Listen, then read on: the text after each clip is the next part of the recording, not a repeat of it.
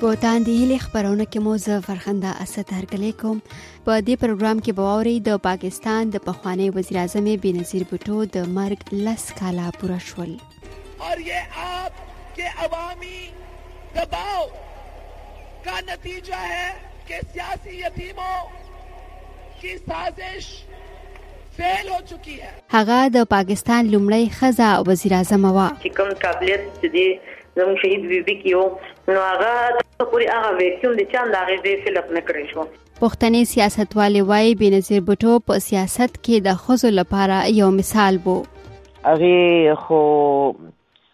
ښځو له بیداری ورکړې وه رول ماډل وه زمونږ دپاره یو رول ماډل وه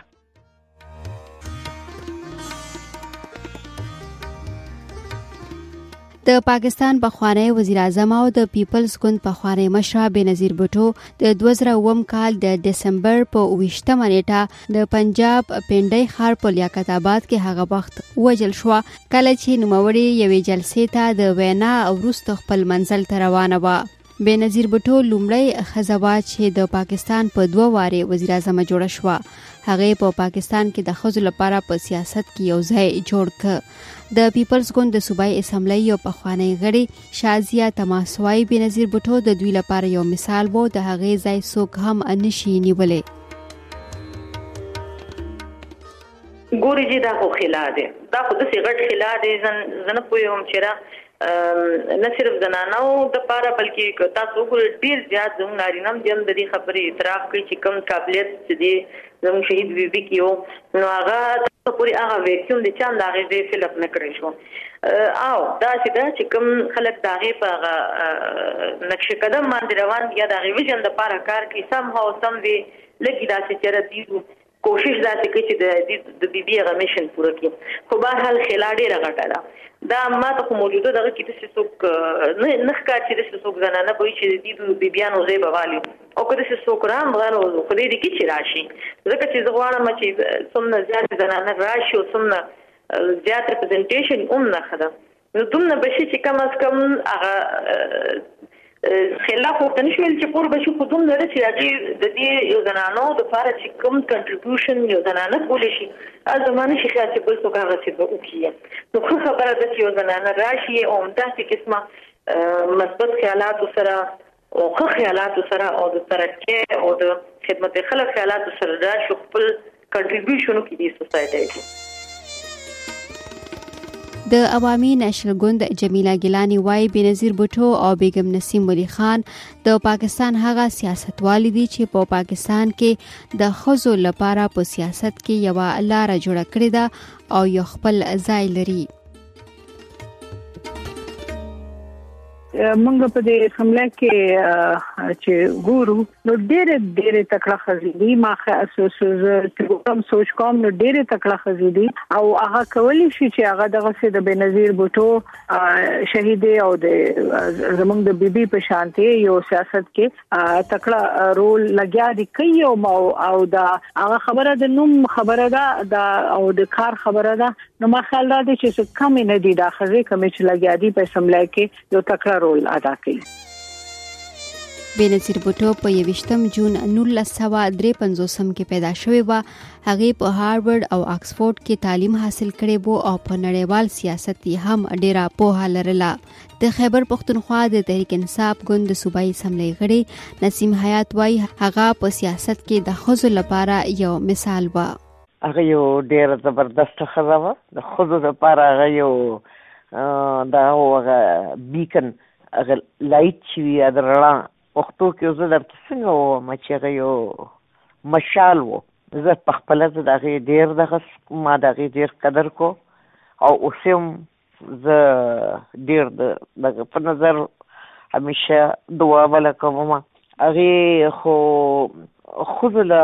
بیداری ورکړې و رول ماډل و زمونږ د پاره یو رول ماډل و په 1993 کال کې بنظیر بټو په پیښور کې یوې جلسې ته په وینا کې ویل هغه چې کله هم پیښور ته راغلی دا نو ولس یې ډیر تود هرکلی کړی که ایک بار پھر پختون قوم که شاندار جلسه سه مې مخاطب هو آپ کی بهادری نسیم حیات وای د هغه په جلسو کې به یو جوش وو هغه وای بنظیر بوټو خزلا د حوصله ورکړی و چې په سیاست کې برخه ولري جس نے کبھی بھی مجھے مایوس نهي کیا. ډېرې زیاتې انکرج شوې وې، ډېرې زیاتې، ډېرې زیاتې انکرج شوې وې د هغې په دغه باندې. داسې وه چې هغه وخت کې خو زما سیاست سره خیر دومره وو، شروع ما د پیپلز پارټي نه کړې وه، د بوټو صاحب او بیګم بوټو سره زه ډیره نږدې پاتې شوې یم ډیر زیات زما ورسره دغه ډیر مینا ډیر قدر مې ولا کو دې سره خو اس سچ نور نه بس یو دو جلسو ته راغلی و هغې کې ورسره ملاو شیم او هغه هم د میرون نسا افریدي چې هغه ویمن وینګ پروینشل پریزیډنټ و د پیپلز پارټي ان د هغې په وجه ورسره زما ملاقاتونه شیو ډیره زیاته ښه ښځه وه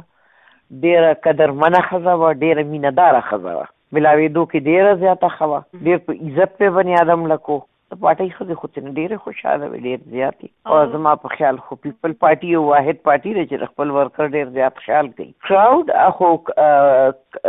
کراوډ هغه اخو کراوډ پولر وه کراوډ خو به هغې ځان ته راښکه د خپل پلار غوندې ډېره زبردسته وینا لږه جذباتي کېده به جذباتي به ډېره شله خو وینا همغې ډېر د هغې تقریر خو ډېر د مزې زما خو به ډېر زیات خوښ و ډېر د زړه نه به یې خبرې کولې، د زړه نه به یې خبرې کولې. بېنظیر بوټو لومړی په نولس سوه اته اتیایم کال کې د پاکستان وزیراعظمه جوړه شوه او دا شان د پاکستان لومړۍ ښځه وزیراعظمه شوه، خو د هغې حکومت شل میاشتې وروسته د هغې وخت صدر غلام اسحاق خان ختم کړ. هغه په دویم وار په 1993 کال کې د پاکستان وزیر اعظم منتخب شو د پیپلز ګوند د خیبر پښتونخوا غړي نګت او رغزی وای د بنظیر بټو په سیاست کې راتګ دا خای چې خزه هم د پاکستان په سیاست کې د سړو سره یو شان رول لري او دغه هیواد مشري کولای شي بنظیر بټو صاحب نه پس چې کوم خلا خبره کړې ده دا سړو ته ډیر واضح تور باندې زه پیغام ورکول غواړم چې زما غونډه کې ډېری خزې چې کم سیاسي سوچ بوج لري هغه د دې سره ولاړې دي او په کار دا دي چې اوس خز سړي چې دي هغه زمونږه چې دینو هغه زمونږه ایکسپټنس واخلي او دا زمونږه ایکسپټ کی چې مونږه یو پولیټیشن یو او مونږ چې دی نو پالیټکس کې هغه د پاره یو خر رول ادا کولی شو او خځه چې سو پوری یو مفکر ویلی دی چې مال یو خمو راکا یو د تعالی یو خو خو چې دینم کوم بدر کما دا چې اوس فرو ته چې کم ډیر لوی لوی پالیټیشن دي هغه ته پکار دي چې هغه هم دا سوچو کی چې مونږه کا خپل لیډرشپ سره مونږه خځه په لیډرشپ کې راوسته نو زمونږه پاکستان کې دی هغه د ترقې پر باندې بدامزن شي ولې چې ډیر مسایل داسې دي چې هغه به خزي به اډریس کوي خزو ته او خزي به خپل مسایل خزو ته به اوري او نو خزي داغي مسایل به تر تور باندې چې دین هغه حل کولی شي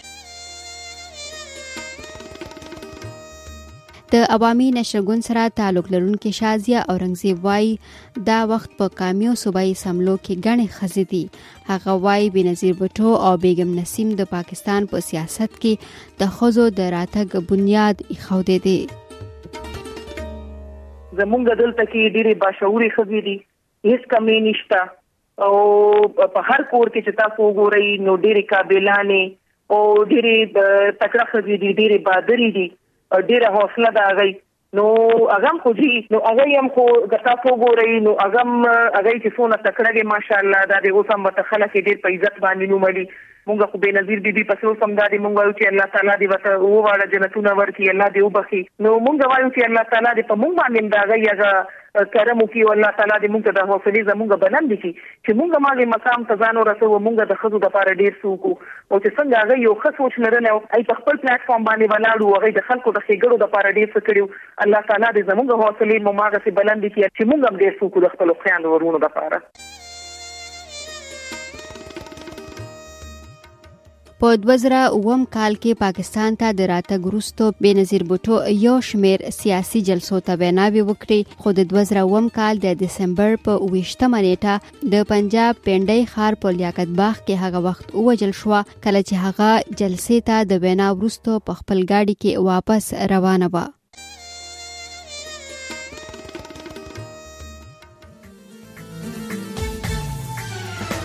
او اوس هم راځو د هندي فلمونو د ستوري انوشکا شرما او د هند د کرکټ ټیم د لوبغاړي ویرات کوهلی د واده په اړه د ریپورت ته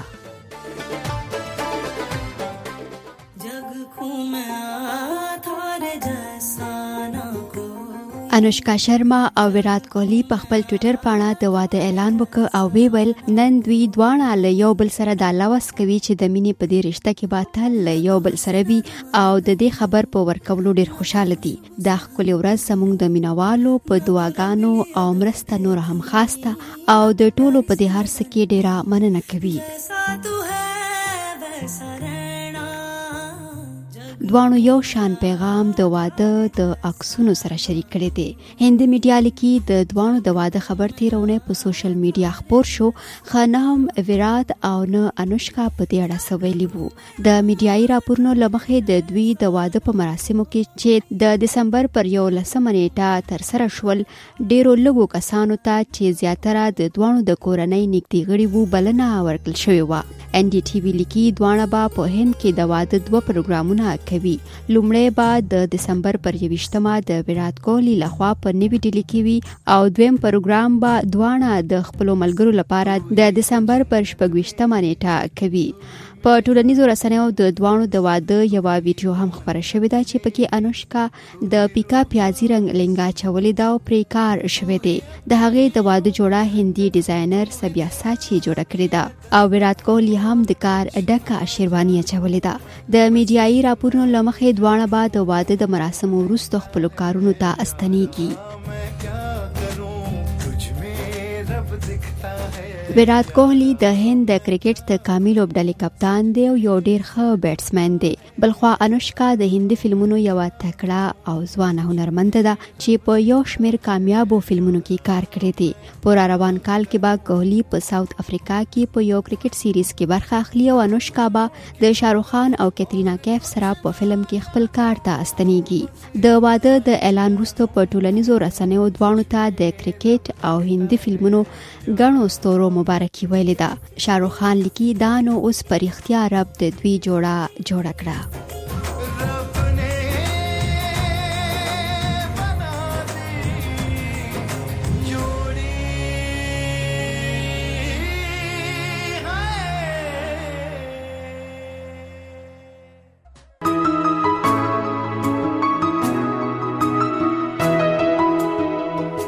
خزه د پښتني ټولنې نیمایي برخه جوړوي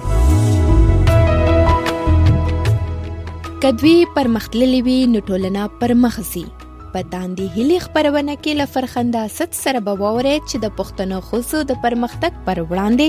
خندونه سدي د هرې نهې یا سې شنبې او هر زیارت یا پنځشنبې په ورځ